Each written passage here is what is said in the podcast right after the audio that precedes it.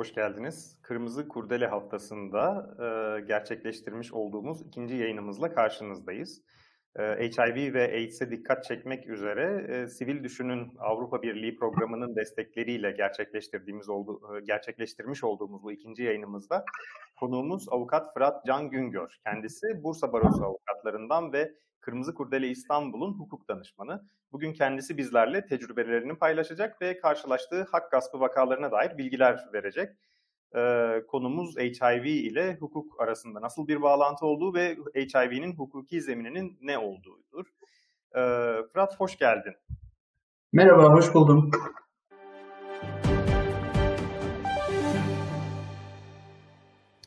Bugün senin yoğun programından bize vakit ayırdığın için çok teşekkür ediyoruz. Çok hızlı bir şekilde sana sorulmak istiyorum derhal. HIV'nin hukuki zemini nedir? Türkiye'de HIV'nin mevzuat ile hukuki çerçevedeki pozisyonu ne şekilde düzenlenmiştir? Ee, teşekkür ederim bu arada e, bu yayında beni de davet ettiğiniz için.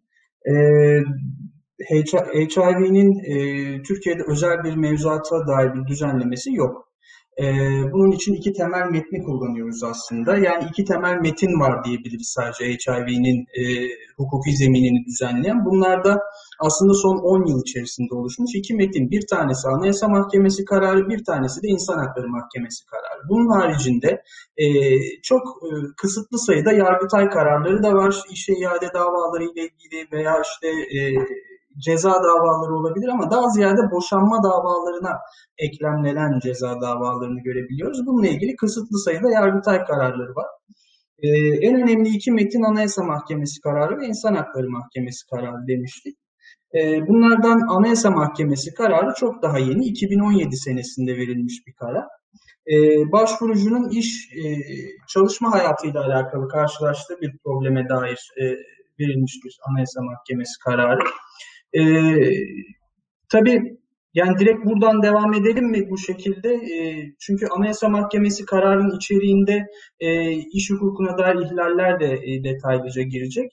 İstersen e, bu kararın içeriğini anlatmaya başlayayım ben yavaş yavaş. Olur mu? Olabilir. E, fakat ben şunu da merak ettim açıkçası ilk söylediğinden. E, en çok karşılaşılan vakalar e, aile hukukunu düzenleyenler mi yoksa iş hukukuyla alakalı olanlar mı Türkiye'de? Şimdi e, şöyle, e, ceza davalarına ilişkin verilmiş olan kararlar e, eşler arasında birbirlerini şimdi HIV'nin e, birisine bulaştırmanın, kasıtlı olarak bulaştırmanın da bir cezai sorumluluğu var. Adam yaralama suçunun kapsamı içerisine girer.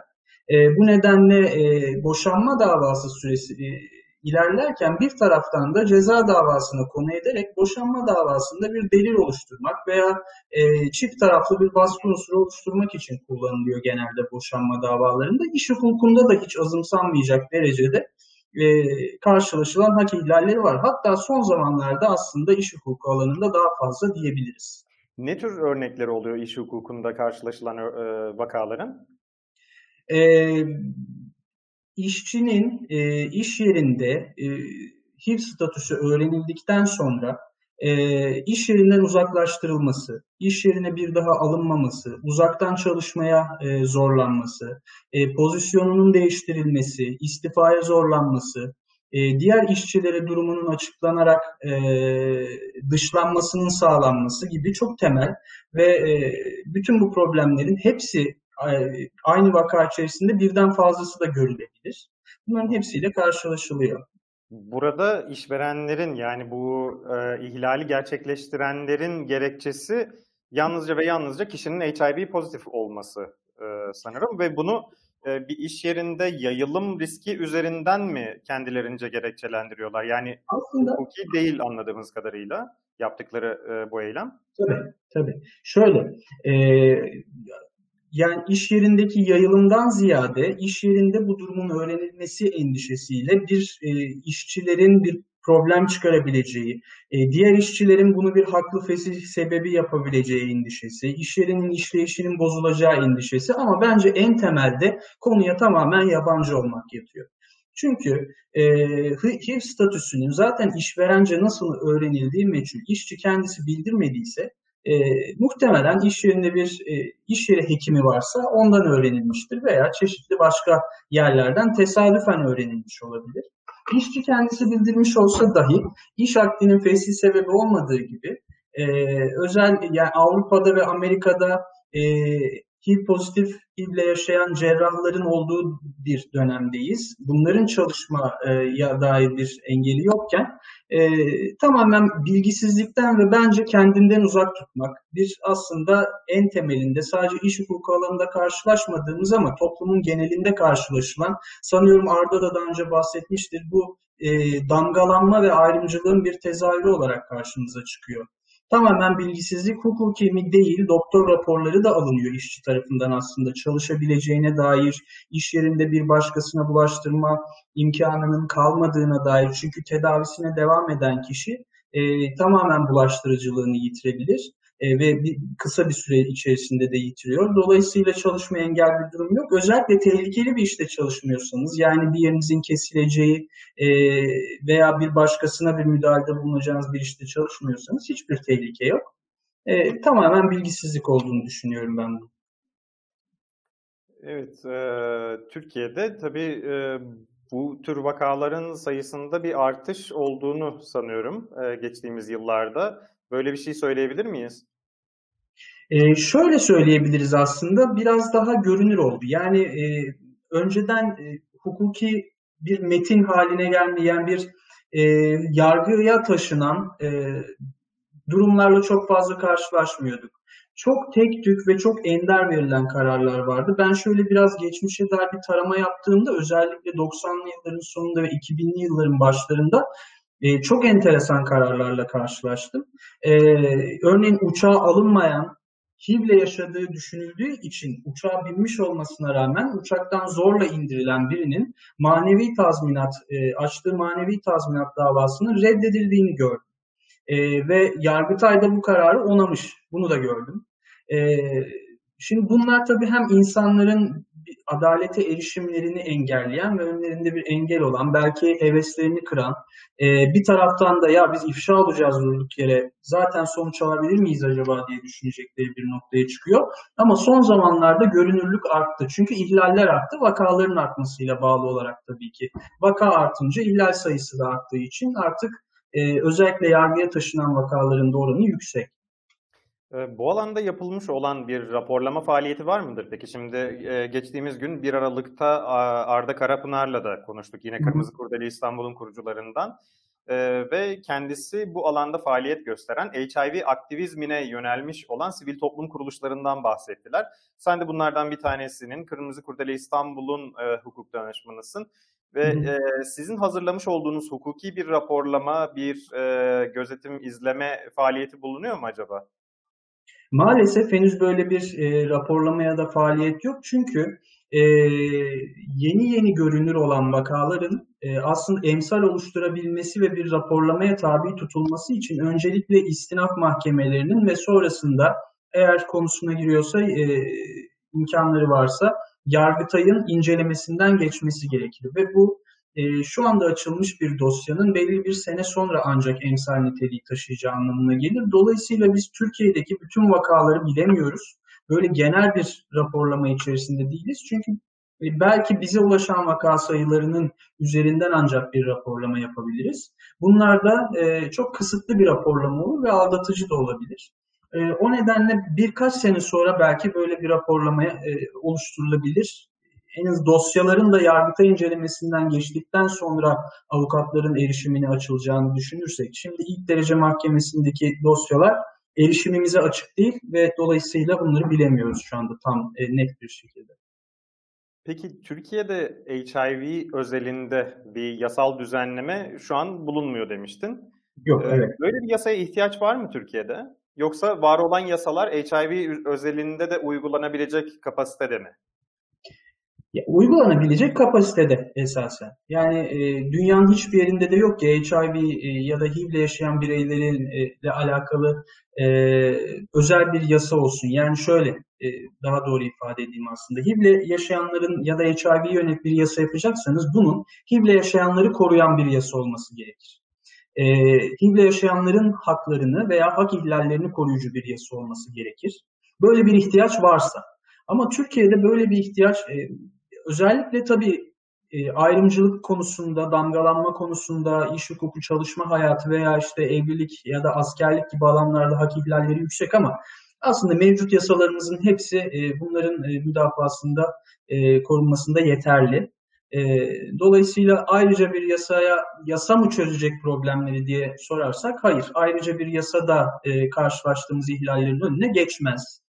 Bunların çözülmesi için e, çok temelden bir e, ve merkezi bir yapılanmaya ve bir e, hedefe yönelik uygulamaya ihtiyaç var aslında. Bu e, iş yerlerindeki e, işverenlerin belki bilgilendirilme, bilgilendirilmesi, iş yerlerinde özellikle e, çok sayıda insanın çalıştığı fabrikalarda ya da e, yerlerde işçilerin bilgilendirilmesi, e, evlilik, evlenmeden önce belki bireylerin bilgilendirilmesi gibi işte ya da sağlık çalışanlarının bilgilendirilmesi gibi e, durumlarda başka bir yasaya bence ihtiyaç yok aslında. Evet, e, evlilik, askerlik, iş yaşamı e, gibi alanlarda yaşanılan sıkıntılara değindin. Peki e, bu alanlarda e, özellikle tedaviye erişim gibi konularda ne tür e, sorunlar yaşanıyor senin bildiğin kadarıyla? Yani şöyle tedaviye erişim kısmını e, aslında üçe ayırabiliriz. E, birincisi tanı aşaması. Tanı aşamasında karşılaşılan problemlerden bahsedebiliriz. E, bilinçli ya da bilinçsiz bir şekilde belki tamamen e, bir e, HIV testi, ELISA testi yaptırmaya gitmiş olabilir kişi veya başka bir operasyon öncesinde de e, ELISA testi yapılmış olabilir kendisine. Buradan rastlantısal olarak da durumu tespit edilmiş olabilir. Burada ilk karşılaştığı şey e, sağlık personelinin yetersiz olması ya da bilgisiz olması, konuyla alakalı e, belki tecrübelerin az olması nedeniyle bir ayrımcılık durumu söz konusu olabilir. E, hemen diğer insanlarla temasının kesilmesi, izole bir ortama alınması, e, yanlış bilgilendirilmesi, belki öleceğinin söylenmesi e, gibi durumlarla karşılaşılabilir. E, Burada e, sağlık personelinin davranışları nedeniyle bir sorunla karşılaşıldığını görüyoruz ve tanı alan kişinin aslında kendisini de izole ettiğini ve e, çevresiyle durumu paylaşmaktan korktuğunu, bir iç damgalanma yaşadığını da e, söyleyebiliriz. E, bunlar aslında çok önemli. İlk bu durumu e, tanıyı açıklayacak kişinin e, çok steril bir ortamda e, güzel bir şekilde izah etmesi gerekir. Burada kişinin hukuki ilişkisi başlıyor aslında durumla. Çünkü ilk damgalanmayı orada yemiş oluyor. E, devamında tedaviye erişimde problemlerle karşılaşabilir. O da şu, yani e, HIV yaşayan birinin e, HIV tedavisinde direkt HIV tedavisiyle ilgili çok büyük problemlerle karşılaştığını görmüyoruz. E, ilacı erişimde büyük bir sıkıntı görmüyoruz. E, ama başka problemlerinin, başka hastalıklarının tedavisinde bu durumun bir engel oluşturduğunu tespit edebiliyoruz. Evet, ee, vakalardan bahsedebiliriz bu durumda? E, örneğin bir böbrek hastasının, böbrek yetmezliği yaşayan birinin e, makineye bağlanacağı zaman işte yeterli makine olmadığının e, söylendiğini kendisine bir örnek olarak hemen verebiliriz. E, gideceği yerde diyaliz e, servisinde dört tane makine varsa e, ama bizim size özel bir makine ayırmamız gerekir. Çünkü e, sizin işte aslında kanınızda bir problem var, kanınız pis.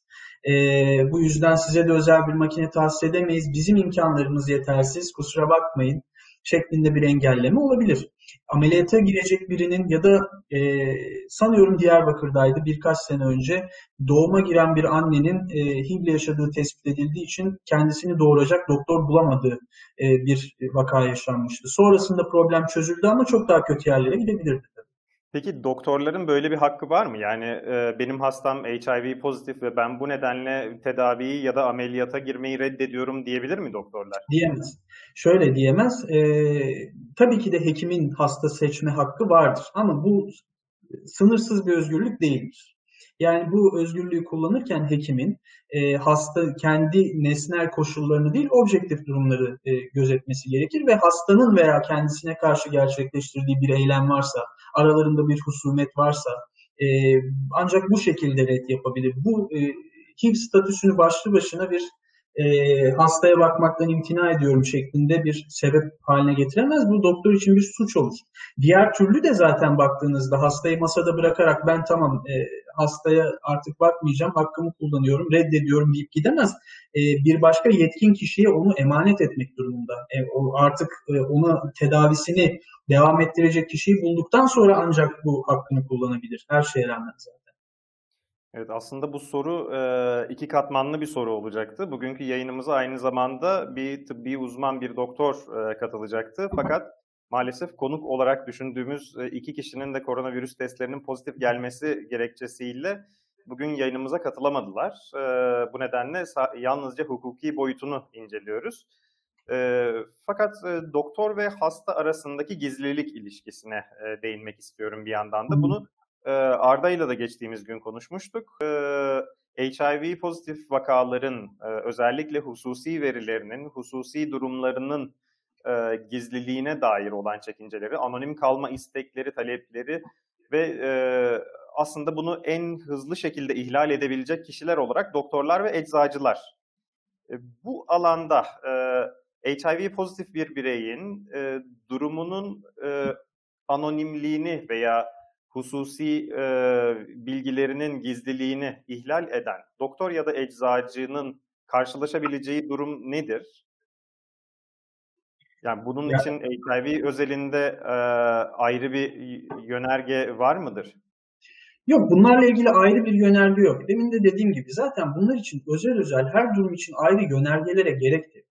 Yani bizim e, ceza kanunumuzda, anayasamızda, e, hasta hekim ilişkilerini düzenleyen, sağlık hukukunu düzenleyen mevzuatların tamamı aslında yeterli. Burada e, tabii hasta e, yani doktor ve e, eczacıların bir takım hastaların kişisel verilerine erişme hakkının olması nedeniyle e, bu suçu işleyeceklerine dair bir e, kanaat değil ama e, bu şekilde davranan e, meslek mensuplarının öncelikle tabii kendi meslek örgütleri tarafından idari bir soruşturmaya maruz kalıp gerekli cezaları alacakları aşikar. Bunun haricinde Türk Ceza Kanunu'na göre de yine özel verilerin e, paylaşılması e, ve yeni çıkan KVKK gereği cezalandırılacakları ve tazminat yükümlülüğü altına gireceklerini söyleyebiliriz. E, doğan başkaca zararlar olursa bu durumun paylaşılmasıyla alakalı yine ayrıca hem cezai hem e, maddi külfet altına gireceklerdir. Yani bu verilerin izinsiz paylaşılması tamamen yasaklanmış durumda. Şunu da bir örnek olarak e, söyleyebilirim burada aslında. E, evlilik için tarafların bir e, aile hekimine başvurdukları esnada alacakları sağlık raporunda dahi e, kişi taraflardan bir tanesinin e, statüsünün öğrenilmesi halinde müstakbel eşe durumun açıklanması dahi yasaklanmıştır aslında. Burada e, kişinin yani HIV'le e, tanışan veya HIV'le yaşayan bireyin kendi kararına bırakılmıştır tamamen. Dolayısıyla bunların açıklanması e, meslek mensubunun e, görevini kötüye kullanması demek. Evet. E, tabii bunun bir yandan e, derin psikolojik etkileri de e, oluyor aynı şekilde ve e, hususi verilerin gizliliğine bir defa daha dikkat çekmiş olalım bu sayede. Hı hı. E, az önce e, değinmiştin aslında fakat tekrar etmek açısından yeniden sormak istiyorum. E, HIV pozitif bireyler için e, aileye, eşe, partnere e, ve birinci derecedeki yakın kişilere bildirimin yasal statüsü şu anda nedir? E, tamamen yasaklanmıştır. Yani şöyle, e, son zamanlarda Twitter'da da böyle bir şey döndü belki sen de görmüşsündür. Yani cinsel partnerine, eşin gibi bir infial de yaratıldı ama böyle bir şey tamamen yasak ve böyle bir sorumluluk da yok aslında. Herkesin kendini koruması gerekir. Ancak tabii bazı istisnaları var. E, bunlar şöyle. E, aslında tamamen yasak olduğu genel bir kaydı ama Türk Tabipler Birliği'nin ve Dünya Sağlık Örgütü'nün izlenmesini talep ettiği bir prosedür var. Bu prosedüre göre eğer kişi cinsel partnerine ya da e, eşine statüsünü açıklamıyorsa ve riskli davranışlara devam ediyorsa, buradaki riskli, riskli davranışlar aslında e, karşısındakini enfekte edebilecek nitelikteki davranışlar. Yani viral yükü e, negatife dönmemişse ve e, korunmadan cinsel ilişkiye giriyorsa, Demek ki karşısını riske atan ya da işte karşısındakini enfekte edebilecek bir davranışta bulunuyor. Burada doktora bir sorumluluk düşüyor. Çünkü kişinin kişisel verilerini gizli tutmak, hasta hekim ilişkisinin e, sır saklama yükümlülüğü gereği bir taraftayken diğer tarafta da toplum sağlığını korumakla alakalı bir yükümlülük var. Bu yüzden e, bahsettiğim Dünya Sağlık Örgütü ve Türk Tabipler Birliği doktorlara şunu söylüyor. Siz makul bir süre tanıyın. Öncelikle kişinin kendisinin e, karşısındakini koruyabileceği önlemleri alması için ve riskli davranışlarından vazgeçmesi için e, yönlendirin ve e, karşısındakine, e, partnerine durumu açıklaması için makul bir süre verin. Bu süre içerisinde durumunu yine açıklamıyor ve veya değil ve riskli davranışlara devam ediyorsa açıklayabilirsiniz. Ama burada da dediğim gibi e, aslında tüm hastanelerde bununla alakalı yine e, Ulusal AIDS Komisyonu'nun aslında zamanında almış olduğu bir karar var. Bütün hastanelerde izleme komisyonları kurulmalıdır. Bunların içerisinde bir psikolog, bir psikiyatrist, bir enfeksiyon uzmanının e, yer alması önerilir ve bu durumlarda da vaka açıklanırken de bu izleme komisyonunun önderliğinde ya da gözetiminde vakalar açıklansın. İlk tanı alındığında da hak kayıplarına uğramamak adına ve tabii ki de bu tarz hasta hekim sırlarının açıklanması için de e, her verinin öz, vakanın özelinde değerlendirmek gerekir. Bir taraf için katlanılamayacak derecede ağır bir yük oluşturacak durumu diğer tarafa açıklamamalısınız. Ama e, açıklanmaması diğer taraf için ağır bir yük oluşturacaksa bu sefer açıklamalısınız. Yani bu durumun özeline göre değişmeli aslında. Koronavirüs e, salgınıyla peki kıyasladığımızda, geçtiğimiz gün yine Arda ile bunun üzerine kısaca e, fikir yürütmüştük. Yani salgın ilk açıklandığında 11 Mart tarihinde e, sosyal medya üzerinde bir tartışma dönüyordu. HIV pozitif bireyler durumlarını açıklamak zorunda değiller fakat neden koronavirüslü kişiler açıklamak zorunda olsun şeklinde. Bununla ilgili yasal açıdan herhangi bir farklılık var mıdır iki e, durum arasında?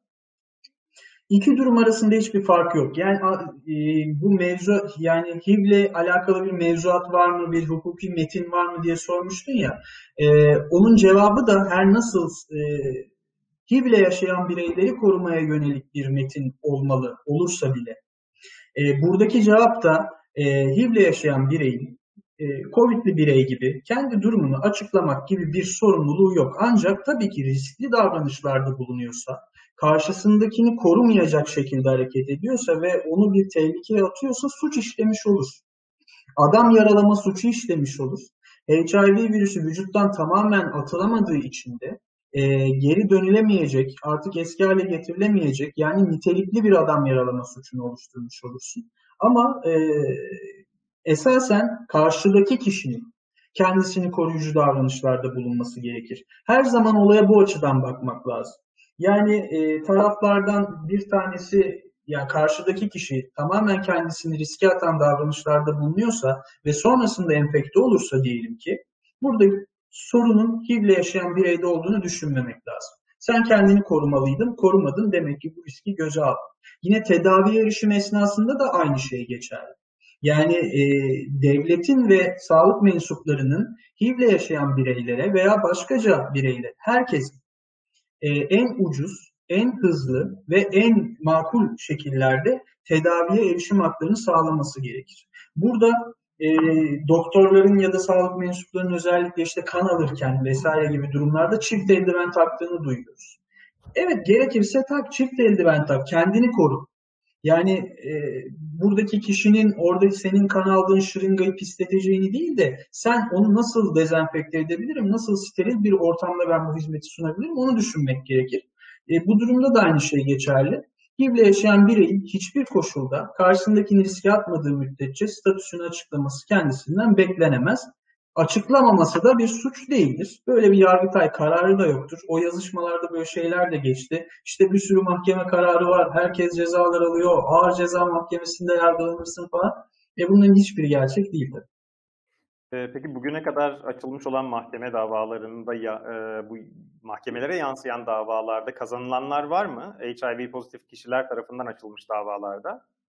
Ee, şöyle, yerel mahkemelerde ve Yargıtay incelemesinden yavaş yavaş geçen artık davalar var. Özellikle çalışma hukuku alanında e, HIV'le yaşadığı için e, işinden olan kişilerin açmış olduğu e, haksız fesih davaları yani işe iade davaları veya e, özlük haklarını alabileceği, kıdem tazminatını, ihbar tazminatını talep edebileceği davaları kazanıyorlar. Çünkü çalışmaya engel bir durum değil. Artık bu Yargıtay tarafından da kabul edildi. E, en başta bahsettiğim Anayasa Mahkemesi kararı da bu, buna yönelik zaten. Orada da bir ayrımcılık yasağına e, dayanan bir şey vardı, talep vardı. O yüzden bu da, davalar kazanılıyor. E, ceza hukuku alanında e, böyle bir şey yok. Yani evli çiftler arasında tarafların birbirlerine sadakat yükümlülüğü olduğu için sadece birbirleriyle cinsel ilişkiye girdikleri değerlendirildiğinden evli çiftler arasında verilmiş cezalar var. Yani karşısındakini korumadan onu da enfekte edebilecek şekilde davranışlarda bulunduğu için e, taksirle adam yaralama, bilinçli taksirle veya olası kasta da girebilir durumuna göre adam yaralama suçundan cezalanan eşler var. Ama bunun haricinde evli olmayan çiftler arasında böyle bir e, dava yok ya da dava olsa bile e, hüküm giymiş kişi yok. Çünkü virüsün kimden alındığı bilinemiyor. Evli çiftlerin tek eşli olduğu varsayılarak böyle hareket edilmiş ama e, evli olmayanlar arasında böyle bir e, durum yok. E, boşanma davasında yani e, HIV'le yaşamak bir boşanma sebebi midir? E, yerine göre olabilir. Evlenirken söylenilmediyse, bahsedilmediyse evet bir boşanma sebebidir. Ama evlilik birliği içerisinde bu bildirildiyse, evlenmeden önce bildirildiyse e, bir boşanma sebebi de değildir. peki senin bugüne kadar e, temsil etmiş olduğun e, vakalarda, daha doğrusu vekalet ettiğin vakalarda aldığın olumlu sonuçlar ya da e, alınmış bu sonuçlardan emsal oluşturabilecek olanlar e, nelerdir ya da var mıdır? Açıklayabilirsen bunu. Ee, yani var işe iade davalarında e, var. Yine yani ben benim çalışma alanım da genelde çalışma hukuku üzerine ve e, hasta hekim ilişkileri üzerine olduğu için e, çalışma hukuku alanında var. Ve bunun haricinde e, bir insan hakları mahkemesi kararından da bahsetmiştim. E, benim de mevcut benzer bir davam olmuştu. E, bir hastanede kan e, nakli esnasında oluşan bir e, HIV transferi nihayetinde e, hastanenin kusurlu bulunarak e, vatandaşın bir tazminat elde etmesi sağlandı. Şu anda Danıştay incelemesinde ancak henüz kesinleşmedi. Dediğim gibi süreçler çok uzun sürüyor. Bu da 8-10 yıllık oldu bu davada ama Danıştay incelemesinden de müspet bir sonuç alınırsa ancak o zaman emsal e, niteliğinde bir dosya olacak. E, bunun haricinde devam edenler de var. E, genel olarak durum böyle. Evet. Peki e, şu anki hukuksal düzleme bakarak e, senin bir değişiklik şan, yapma şansın olsaydı bu getireceğin öneri ne olurdu? Ee, Türkiye'deki adalet sistemine bakarak e, yalnızca bir değişiklik yapmak deyince biraz yetersiz kalıyor olabilir ama. yani bir değişiklik yapma şansımız olsa, şansım olsaydı e, çok kapsamlı bir soru. Gerçekten şu an ne diyeceğimi bilemem ama şu olabilir belki. E, eğitim sisteminde yani Milli Eğitim Bakanlığı'nın oluşturmuş olduğu müfredat içerisine e, cinsel sağlık derslerinin çok daha kapsamlı getirilmesini e, talep edebilirdim. Belki e, hem e, kişilerin kendisini koruması açısından HIV'le tanışmamaları ya da başka bulaşıcı hastalıklarla tanışmamaları açısından hem de e, tanışsalar dahi e, sosyal hayat içerisindeki damgalanmadan muaf olabilmeleri ya da bunun hiç yaşanmaması adına e, bir bilinçlendirme çalışmasıdır. Her şeyin başı yine eğitime döndü ama evet. ee, bu eğitim alanındaki e, var olan uygulamalarla ilgili yeterli bilgiye sahipsen aslında sana bunu da sormak isterim. Ee, şu an okullarda verilen eğitimin kapsamı nedir HIV konusunda? Kaç yaşında başlar? Ee, neleri kapsar? Yani onunla ilgili çok detaylı bir bilgi sahibi değilim ama HIV ile alakalı herhangi bir e, eğitimin verildiğini düşünmüyorum. Liselerde belki çok kısıtlı bir şekilde veriliyorsa veriliyordur. Onun haricinde e, bu benim şahsi fikrim ama çok kapsamlı bir bilgim yok. Yanlış yönlendirmeyeyim. E, ama hiç HIV'nin özelinde bir şey olduğunu düşünmüyorum açıkçası. Belki cinsel yolla bulaşan hastalıklar şunlardır bilgidir. Onun haricinde bir şey olduğunu düşünmüyorum. Şu an 20 yıldan fazla zaman geçmiş e, olması sebebiyle tam olarak hatırlayamıyorum. Fakat benim ortaokulda evet.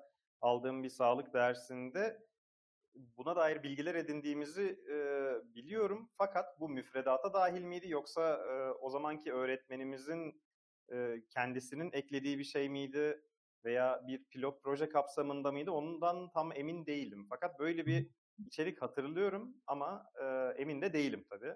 Ben de şöyle bir şey hatırlıyorum. bir not vermiş olalım bir yandan. Önümüzdeki yıl Kırmızı Kurdele haftasında daha kapsamlı yayınlar da yapıp e, aynı zamanda bu konuları da inceleyip dile getirmek adına önümüzdeki günlerde tabii ki yine uzmanlara danışarak ben de dediğin gibi ama sanırım bir, bir pilot proje kapsamında olabilir. Ben de hayal meyal bir şeyleri hatırlıyorum. Sanki bir test böyle e, dönemin birinde bir kerelik böyle bir eğitim verilmişti sanki. O bir proje kapsamında herhalde böyle bir şey hatırlıyorum ben de. Evet. Peki bu alanda faaliyet gösteren, bu alanda e, uzmanlaşan avukatların sayısı çok mu Türkiye'de? Hayır çok değil. Yani vaka yargıya yansıyan vaka sayıları da çok yeni. Ee, tabii ki de sağlık hukuku alanında uzmanlaşmış avukatların sayısı çok. Ee, onunla ilgili bir şey yok ama sağlık hukukunun içerisinde de bu alana özbilenmiş, bu alanda çalışan avukat sayısı çok az. Özellikle e, bu alanda kurulmuş olan STK'ların e, kendi çalıştığı bünyesinde çalışan veya e, dış, dışarıdan danışmanlık hizmeti sunan avukatlar var. Bunların da sayısı yani iki elin parmaklarını geçmez. O kadar bile belki yoktur. Ben iyimser bir şey söylüyorum. Bu rakam tüm Türkiye çapında mı yoksa tabii, tabii. yani yerellerde, yerel e, Türkiye'deki 80 baroda insanların e, ulaşabileceği, erişebileceği avukatlar bulunuyor mu bununla ilgili? Yok.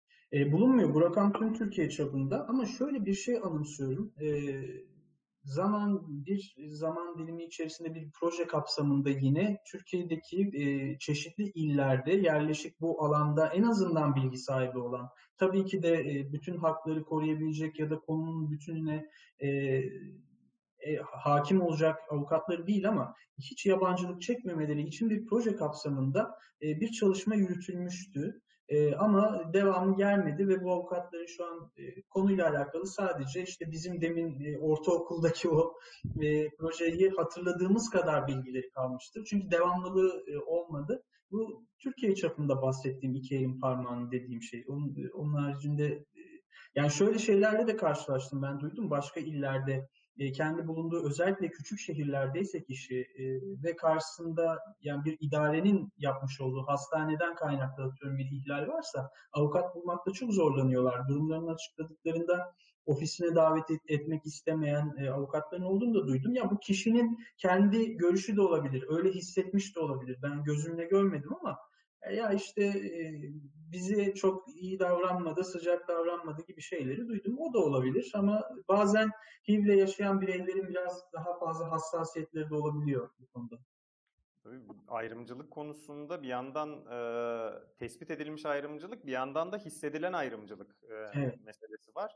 O hissedilen ayrımcılık büyük bir ihtimalle tabii ki çok daha yüksek çıkacaktır tespit edilenden. Çünkü kendisinin farkında olduğu için herhangi bir olumsuz ya da nötr davranışı kendi durumundan kaynaklı olduğunu da düşünebilir birileri.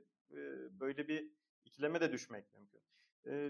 Tekrar şuna dönmek istiyorum. Türkiye çapında çok az sayıda avukatın bu alanda uzmanlaştığını söylemiştik. Peki barolara yönelik olarak düzenlenen eğitimler var mı? Yani sağlık e, alanında avukatlık yapacak olan kişilere HIV e, özelinde de düzenlenen avukat, e, avukatlık eğitimleri, hukuki eğitimler e, bulunuyor mu Türkiye'de? Her baronun tabii komisyonları var. Sağlık hukuku komisyonları veya sağlık hukuku merkezleri de var büyük barolarda. E, dolayısıyla e, bu baroların tabii çalışmaları var. E, bu eğitimler düzenleniyor. Her sene periyodik olarak yaptıklarını düşünüyorum çoğu baronun.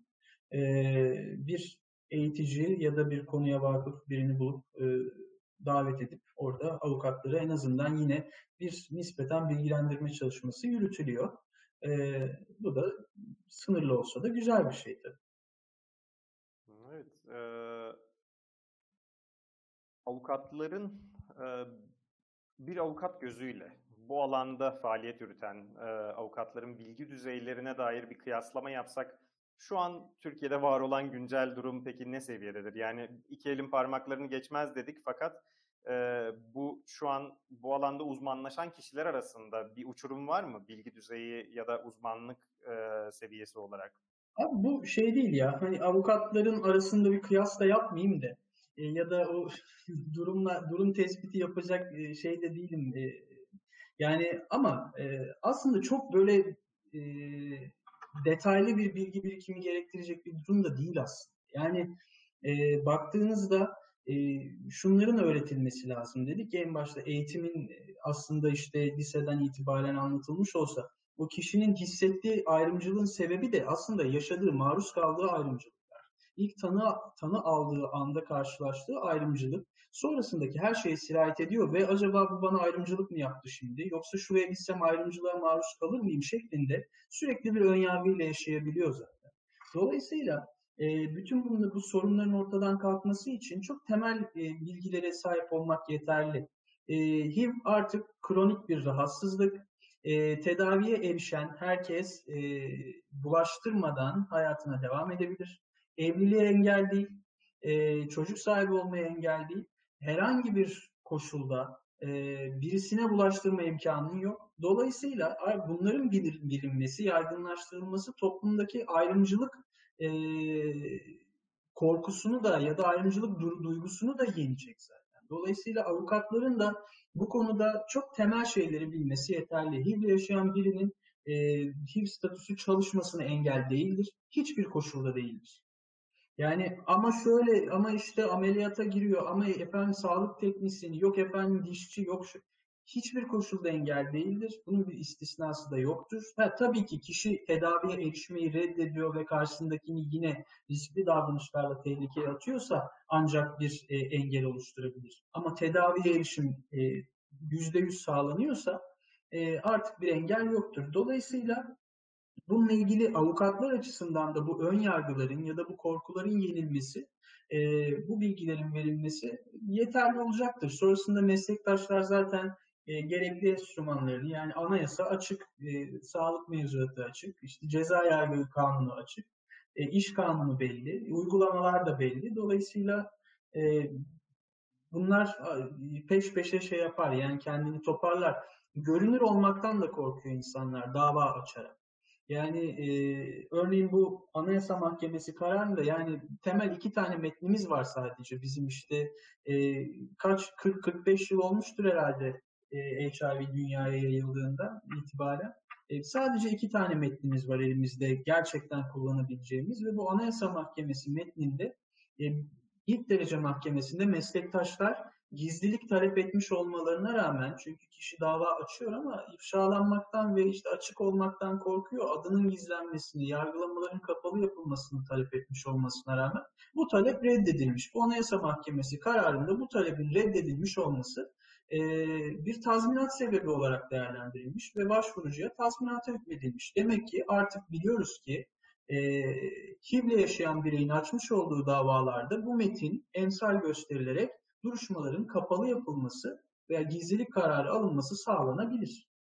Yani bu temel bilgileri bilmek yeterli olur aslında. Tabii biraz insanların da toplumun da e, ya da işte hak ihlaline uğrayan kişilerin de hakkını aramaya e, cesaretinin olması ve o e, gücünün olması gerekiyor. Hazır olmaları gerekiyor ki yardımcı olabilelim. Bir yandan şu an bir izleyicimizden gelen anonim bir sorumuz var. Mağduriyet yaşayan bireyin hukuki haklarını kullanması bir anlamda kendi statüsünü paylaşması demek ve bu bir sorun. Mahkemeye taşınan dava sayısı artmadan hukuk sistemi bu konuda kendisini geliştirebilir mi? Bu ne kadar mümkün olur? Ya niyetle önemli. Tabii ki de geliştirebilir ama e, biliyoruz ki biz e, yani modernleşmeye çalışan ya da gelişmeye çalışılan ülkelerde e, STK'ların özellikle güç kazanmasıyla e, ve STK'ların kendi arkasına aldığı kamu gücünü kullanarak kanun koyucuya yapacağı baskıyla bazı kanunlar oluşturulabilir. E, bu bir seçenek veya e, artık kanun koyucunun önünü alamadığı, engelleyemediği, mecbur kaldığı, son noktada artık mecbur kaldığı bir e, noktada hukuki düzenlemeler gelebilir. Ve bunların hiçbirine ihtiyaç duyulmadan da kanun koyucu tarafından ya da e, devlet erkek tarafından bu düzenlemeler yapılabilir. Ama e, Türkiye'de tabii bu çok şu aşamada mümkün görünmüyor. Çünkü bununla alakalı çalışmalar çok önce yarım bırakılmış ve asla devam etmiyor. Yaklaşık 10 yıl önce e, toplanan Ulusal AIDS Komisyonu bir daha toplanmamış ve e, bununla ilgili hiçbir çalışma da yürütülmemiş. Dolayısıyla benim kişisel görüşüm STK'lar güçlenirse ve bir e, baskı yapılabilirse ancak e, bazı düzenlemeler yapılabilir veya bahsettiğimiz o e, ayrımcılığı, sosyal ayrımcılığı ve damgalanmayı engelleyici çalışmalar yürütülebilir. Onun haricinde zor. Ee, sen de hatırlıyor musun acaba 90'larda özellikle HIV üzerinden özel şirketlerin genellikle yapmış olduğu reklamlar vardı. Genellikle çok korkutucu reklamlardı. Önyargıların bir kısmını belki de bu e, o, o zaman yürütülmüş olan faaliyetler e, oluşturmaya başladı. Bugün yine özellikle doğum kontrol alanında e, faaliyet yürüten şirketlerin HIV aktivizmine yönelik e, söylemleri oluyor 1 Aralık tarihlerinde. E, maalesef yılda bir günle sınırlı kalıyor genellikle. E, Kırmızı Kurdele Haftası şeklinde 1-7 Aralık arasına genişlemeye e, başladı bu. E, hatta Kırmızı Kurdele İstanbul'un da e, öncülük ettiği bir süreçte. E, bu alanda peki yapılan gelişmelere dair bir yorumun var mı? Yani şirketlerin faaliyetleri, HIV aktivizmine yaklaşımları, sivil toplum kuruluşlarının yanı sıra özel şirketlerin bu alanda faaliyet yürütmesine dair. Ya özel şirketlerin e, bir takım alanlara yönelmesi ve buralarda faaliyet göstermesi tabii bir de bazı sosyal e, sorumluluk projeleri kapsamında gerçekleşiyor ama e, genel olarak e, farklı yöntemlerle belki işte imaj düzeltme olabilir, imaj tazeleme olabilir, karlılıklarını arttırmak olabilir e, veya e, görünürlülüklerini, işte popülasyonlarını ulaştıkları yerlere arttırmak olabilir vesaire vesaire. Bunlar e, bunların ben çok e, kıymetli olduğunu düşünmüyorum. Unutuluyor dediğin gibi yani e, sabun köpüğü gibi geliyor, geçiyor işte. O yüzden e, Ha, tabii bazı şirketlerin e, bir takım e, projelere özel ama o çok uzun yıllardır ve sürekli olarak vermiş olduğu destekler var. Bunlar değerli, bunlara ihtiyaç var. Ama e, bunun haricinde yürütülen kısa süreli kampanyalar varsa e, bunlarla alakalı söyleyebileceğim bunlar. Evet, umuyoruz ki önümüzdeki yıllarda gittikçe daha büyük bir farkındalık görebiliriz toplumda. Ee, son olarak şunu da sormak istiyorum. Şimdi Türkiye'deki hukuki düzlemi ve HIV pozitif vakaların hukuki zeminini tartıştık. Peki uluslararası alanda durum e, nedir? HIV pozitif bireylerin evrensel hakları nelerdir? Ya da diğer ülkelerden iyi örnek e, olarak aktarabileceğin e, vakalar, durumlar, yasalar var mıdır? Abi şöyle söyleyeyim aslında bütün dünyada kendi yerel mevzuatların hepsinde özel bir kanuna ihtiyaç duymadan aslında şey yapabilirler. Herkes kendi içinde problemini çözebilir. Burada temel olan şey niyet. bilgilendirilmek ve bu kanun maddelerinin ya da bu yani bu enstrümanların düzgün kullanılabilmesi. yine yani şöyle daha önceden yani bir iki sene önce yapmıştım bu e, araştırmayı ama Avrupa ülkelerinde de durum bizden çok daha iyi, çok daha ileride falan değil. Yani e, Amerika'da, Hollanda'da, İngiltere'de, İtalya'da hatırladığım e, verilmiş olan işte üst derece mahkemelerinin vermiş olduğu kararlarda genel olarak HIV yaşayan bireylerin cezalandırıldığını gördüm ben de. Yani işte e, evet tabii ki bazı riskli davranışlarda bulunmuş, kasten adam yaralamış. İşte hatta bir tanesi vardı, e, 38 tane kadını e, enfekte etmiş falan gibi böyle e, durumlar söz konusu. Bunlar tabii ki ceza alsın ama buradaki yargı kararları da e, benzer nitelikte. Yani HIV'le yaşayanların kendi haklarını korumaya yönelik e, yürütmüş olduğu faaliyetler bence son dönemde artmıştır orada da. Ama şu dönemde de belki de hiçbir hak ihlaline karşı e, maruz kalmıyor olabilirler. Dolayısıyla yargıya e, erişim orada bizi bizde olandan çok daha az da olabilir. E, belli başlı ülkelerde HIV'le yaşayanları e, yaşayanları korumaya yönelik e, kanun metinlerinin e, yazıldığını biliyorum. Uygulamaya geçip geçmediği ile alakalı e, son zamanlarda yakın zamanda geçecekti ama e, şu an aktif olarak kullanılan bir e, şey var mı, e, kanun var mı, ayrı bir kanun var mı e, emin değilim. E, yani söyleyebileceklerim aslında e, Orada cezalandırmalar bu arada Türkiye'de olduğundan çok daha ağır. 5 yıl, 10 yıl, 15 yıl ceza alanlar var. Çünkü e, birisini e, kasten yaralamanın belki de cezası daha yüksek. Yoksa kullanılan e, hükümatte aslında aynı. Taksirli adam yaralamak ya da olağan kaslı adam yaralamak ya da kasten adam yaralamak. Az madde hükümleri aynı ama oradaki cezalar biraz daha ağır.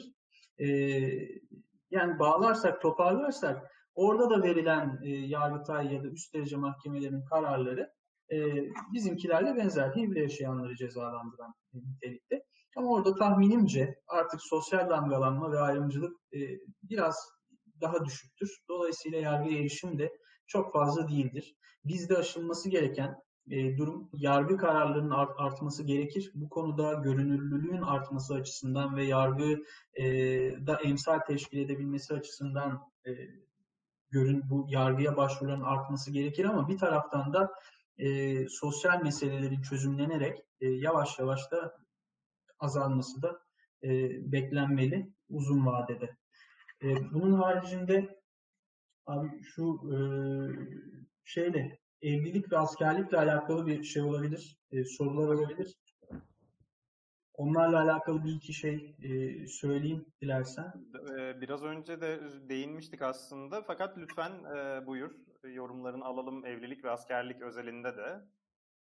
Yani şöyle e, evlilikle ilgili çok şey geliyor çünkü e, başvuran oluyor. Bir, bir, bir problem var burada. İzah edemediğimiz anlatamadığımız o yüzden e, yani hiçbir koşulda evlenmeye e, engel teşkil etmiyor. Kanun çünkü evliliğe teş, e, engel teşkil eden hükümlerin hepsini özellikle belirtmiş. Bunların arasında HIV yok. E, olmadığı için ancak şu durumla karşılaşılabilir. İşte bu tedaviye erişim ve ilk tanı alan kişinin karşılaştığı problemlerin benzeri. E, aile hekiminin bilgisizliği olabilir ya da hiç daha önce karşılaşmadığı bir durum e, olmuş olabilir.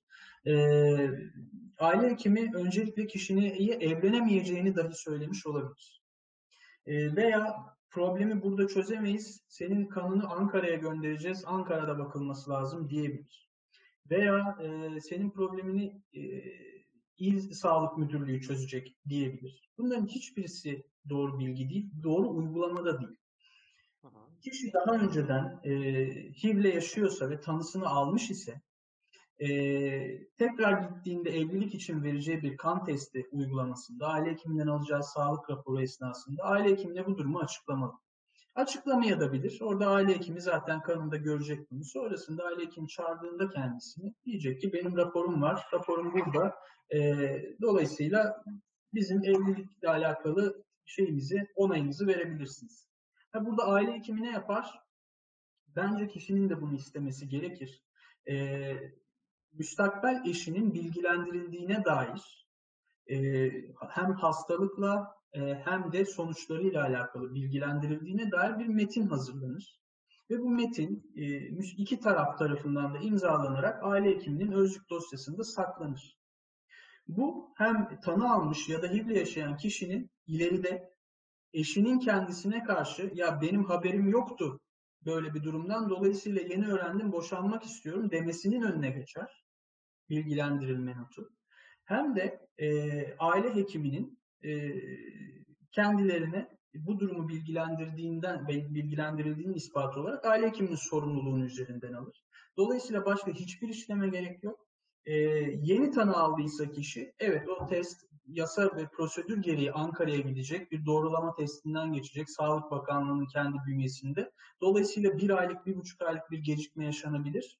E, bu da makuldür. Yani bunun beklenilmesi gerekir. Ama önceden zaten tanı aldıysanız başka hiçbir şeye gerek yok. Dediğim uygulamayla e, direkt rapor alıp rapor üzerinde de zaten e, kişinin HIV'le yaşadığı yazmaz. Evliliğe elverişlidir yazar ve evlilik işlemleri devam eder. Bunu açıklamak istedim özellikle. Kusura bakmayın. Bu gayet önemli. Çünkü hani evlilik oranları Avrupa'ya kıyasla çok yüksek olan bir ülkede yaşıyoruz ve HIV pozitif vakaların da bir kısmı tabii ki evlenerek yaşamlarını sürdürüyorlar nihayetinde ve eminim yine birçok kişi de evlilik nasıl olur acaba şeklinde çekincelere sahiptir. Bununla ilgili soruları vardır. Peki daha detaylı bir şekilde cevap almak istese birileri ne şekilde daha fazla bilgi alabilirler? Herhangi bir şeyle alakalı mı? Hak kaybıyla Yani ilgili detaylı bilgi e, özelinde daha fazla bilgi almak isterseler e, Kırmızı Kurdele ile iletişim kurabilirler sanırım. Tabii ki Kırmızı Kurdele İstanbul ile iletişim kurduklarında zaten e, yoğun bir şekilde çalışıyor aslında arkadaşlar da orada bir sürü içerik de üretiliyor. Oradaki içeriklerden de faydalanabilecekleri gibi online danışmanlık hizmetlerinden yazılı olarak, anonim olarak e, istedikleri e, bilgiyi sorabilirler ve buradan da e, detaylı bilgilerin hepsini e, temin edebilirler. Yardımcı olmak Arka isteriz. planda da arkadaşlarımız yine e, Kırmızı Kurdele İstanbul'un HIV ve evlilik e, görselini paylaşıyorlar. E, daha fazla, e, daha detaylı yanıt merak edenler Kırmızı Kurdele'ye ulaşabilirler. Bir de askerlikten bahsetmiştin. Askerlik alanında ne gibi durumlar mevcut, ne gibi sorunlar yaşanıyor? Aslında o da çok net. Onunla alakalı da yani bunlar o kadar temel şeyler ki, durumlar ki hala problem yaşıyoruz. Doğru bir sürü e, olayla karşılaşabiliyoruz. E, bunların çok hızlı çözümlenmesi lazım artık. Askerlik, e, HIV yaşayan biri için askerlik yasaklanmıştır. E, askere gidemez çünkü e, askere gitmek isteyen, hala durumunu gizleyip askere giden kişiler de görüyoruz. Yani e, böyle bir şey gerek e, yok şu açıdan ya hem kendi sağlığını e, hem de e, başka birisine yük oluyor. Yani e, düzenli olarak ilaç kullanması gereken biri bunu sakladığı zaman e, kendi sağlığıyla alakalı problemler yaşayabilir. E, dolayısıyla mevzuat gereği e, yasaklanmıştır. İlk muayeneye gittiğinde e, HIV yaşadığını belirttiği takdirde kendisini e, bir sağlık kuruluşuna e, sevk edecekler. Burada yine bir kan verecek e, ve HIV yaşadığı tespit edildikten sonra da askerliğe elverişli olmadığına dair raporunu alarak askerlik birliğine, şubesine daha doğrusu sunacak ve bu süreci böylece tamamlamış olacak. Askerlikten muaf tutulacak. Benim de askerlik sürecimde aslında karşılaştığım bir vaka vardı. Kendisi söylemişti bunu bana aslında ben HIV pozitifim fakat söylemedim, belirtmedim. E, ilaçlarını da kullanmıyordu. Kendisine daha sonra ne olduğunu şu an merak ettim ama e, sormuştum ona neden e, açıklamadın, neden söylemedin? Hani askerlikten muaf olabilirdin, doğru düzgün tedavini görebilirdin diye. Kendisi eğer e, açıklarsa bütün e, yaşadığı kenttekilerin ailesine yönelik olarak ayrımcılığa başlayacağını ailesinin ticaret hayatının bitebileceğinden endişe ettiğini söylemişti. Ve aynı zamanda kendisinin e, sonsuza kadar bekar kalacağını belirtmişti. Bu nedenle söylemiyordu. E, ve şu an gerçekten kendisinin başına ne geldi ben de merak ettim. Yani en baştan en sona bütün e, tanı aldığı andan itibaren yaşadığı bütün mağduriyetleri e, aslında bir 30 saniye içerisinde özetlemiş oldun. Şurada konuştuğumuz her şeyi kapsıyor. Bütün korkularını sana e, yansıtmış. Bunların hepsi gerçek korkular. E, bir tasarı da olabilir, zihnindeki hayal ürünü de olabilir ama bir yerlerde ayrımcılığa maruz kalmasaydı bunları tasarlamayacaktı. Neler neler düşünmüş. Evet çok e, üzücü Umarım tedaviye erişiyordur. Umarım sağlıklıdır. Ee, çok teşekkür ediyorum Fırat. Ee, benim sorularım bu kadardı. Senin eklemek istediğin başka bir şey var mıdır? Ee, eklemek istediğim e, başka bir şey aslında şu olabilir. Yani e, hak ihlallerinin e, giderilmesinde veya azalmasında yargının e, emsal niteliğindeki hükümlerinin gücü e, yüksek. E, bunun caydırıcılığı da yüksek. Bu nedenle biraz önce bahsettiğim Anayasa Mahkemesi metnindeki gizlilik kararı mahkemelerin artık kapalı yapılabilme ihtimalinin de ortaya çıkmış olması nedeniyle e, ben hak e, kaybına uğrayan kişilerin daha bir cesaretle haklarını savunmalarını kendilerinden isteyebilirim. Muhakkak çok zorlukla karşılaşıyorlardır hayatlarında ama hem STK'lar e, bunlar için var hem de bizler de avukatlar olarak bu STK'lar vasıtasıyla yardımcı olmak istiyoruz. E, bu hak savunuculuğunda e, ne kadar yardımcı olabilirsek hem o kadar mutlu oluyoruz hem o kadar da kendimizi iyi hissediyoruz. O yüzden ben herkese böyle bir çağrıda bulunmuş olayım. Çok pahalı olabilir yargıya erişim doğrudur. Uzun sürebilir doğrudur. E, adalete erişimle alakalı problemleri izah etsek belki başka bir saatin hatta iki saatin belki konusu olabilir.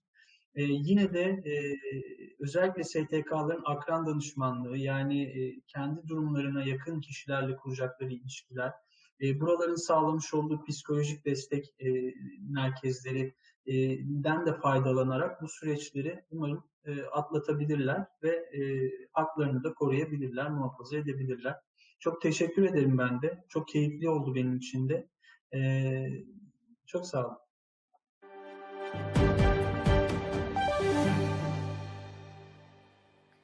Kıymetli yorumların ve yanıtların için çok teşekkür ediyoruz. Ee, avukat Fırat Can Güngör bizimleydi. Bursa Barosu avukatlarından ve aynı zamanda Kırmızı Kurdele İstanbul'un hukuk danışmanı. Ee, bu yayınımızı Avrupa Birliği Sivil Düşün Programı çerçevesinde Kırmızı Kurdele Haftası kapsamında e, yayınladık. Bu e, bu hafta yayınlamış olduğumuz ikinci yayındı. Diğer yayınımız 1 Aralık e, 2020 tarihinde Kırmızı Kurdele İstanbul'un e, kurucularından ve HIV aktivisti Arda Kar Karapınar'la birlikteydi. E, bugün avukat Fırat Can Güngör bize e, bizlerle HIV alanındaki hukuki davaların tecrübelerini paylaştı ve karşılaştığı hak gaspı vakalarına dair bilgiler verdi. HIV ile hukuk arasındaki bağlantıya değindik. Türkiye'deki HIV'ye dair olmayan mevzuatı konuştuk ve var olan yasaların aslında nasıl uygulanabileceğine dair e, görüşler belirttik. Doktor hasta gizliliği e, bağlamına değindik yine. Doktorların hasta seçme hakkını e, konuştuk. E, aile, eş partneri, birinci derece yakınlara açıklanabilirliğini e, de, de gündeme aldık. E, mahkemelere yansıyan e, vakalar ve davaların kazanıl, e, kazanılanlarını ve vekalet edilmiş davalardan çıkabilecek emsal kararları konuştuk. Bu alandaki hukuki e, sorunların çözümüne dair e, e, avukat arkadaşımız Fırat Can Güngör'ün e, yorumlarını aldık. E, neler değiştirilebilirdi diye. Barolara yönelik yapılan eğitimleri yine değerlendirdik. Aynı zamanda e, avukatların Türkiye çapında aslında HIV alanında uzmanlaşan avukatların azlığını da e, yine öğrenmiş olduk mağduriyet yaşayan kişilerin e, statüsünü paylaşması e, demek olacağına dair e, bir yorum aldık izleyicilerimizden. Hukuki haklarını kullanmaları durumunda mahkemelere taşınan bu davaların artmadan hukuk sisteminin kendini nasıl geliştirebileceğini de konuştuk. Ve son olarak da uluslararası hukuk bağlamında HIV pozitif vakaların evrensel haklarını e, konuştuk. Avrupa'daki örnekleri, Amerika'daki örneklere değindik ve son olarak yine avukat Fırat Can Güngör bizlerle evlilik ve askerlik özelinde HIV uygulamalarından bahsetti. Ee, tekrar etmiş olalım. Bu e, yayınımız Kırmızı Kurdele Haftası kapsamında Avrupa Birliği Sivil Düşün Programı desteğiyle yayınlanmıştır. Bizi izlediğiniz için çok teşekkür ederiz ve Fırat e, sana da katıldığın için çok teşekkür ediyoruz. Teşekkür ederim ben de.